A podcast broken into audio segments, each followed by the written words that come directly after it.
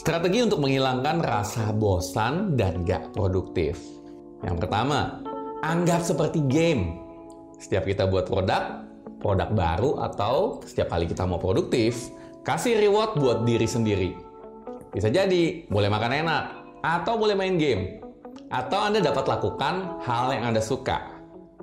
Kalau lagi nggak produktif nih, atau nggak sesuai target, kasih hukuman ke diri kita sendiri. Hukuman seperti hmm, nggak boleh nonton drakor, atau nggak boleh nelpon pacar. Sesuatu hal yang simple, tapi nyakitin. Hal kedua, jadwalin target Anda dan ngomong sama semua orang. Buat countdown. Jadi malu kalau ada yang tahu target Anda nggak tercapai.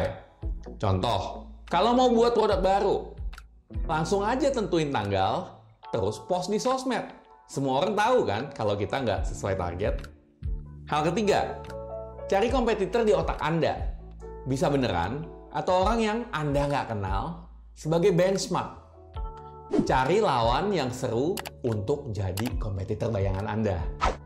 Terus pantau deh, dan fokus untuk kalahkan dia di otak Anda.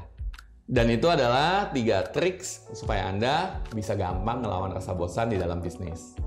Saya Coach Chandra, salam miliarder.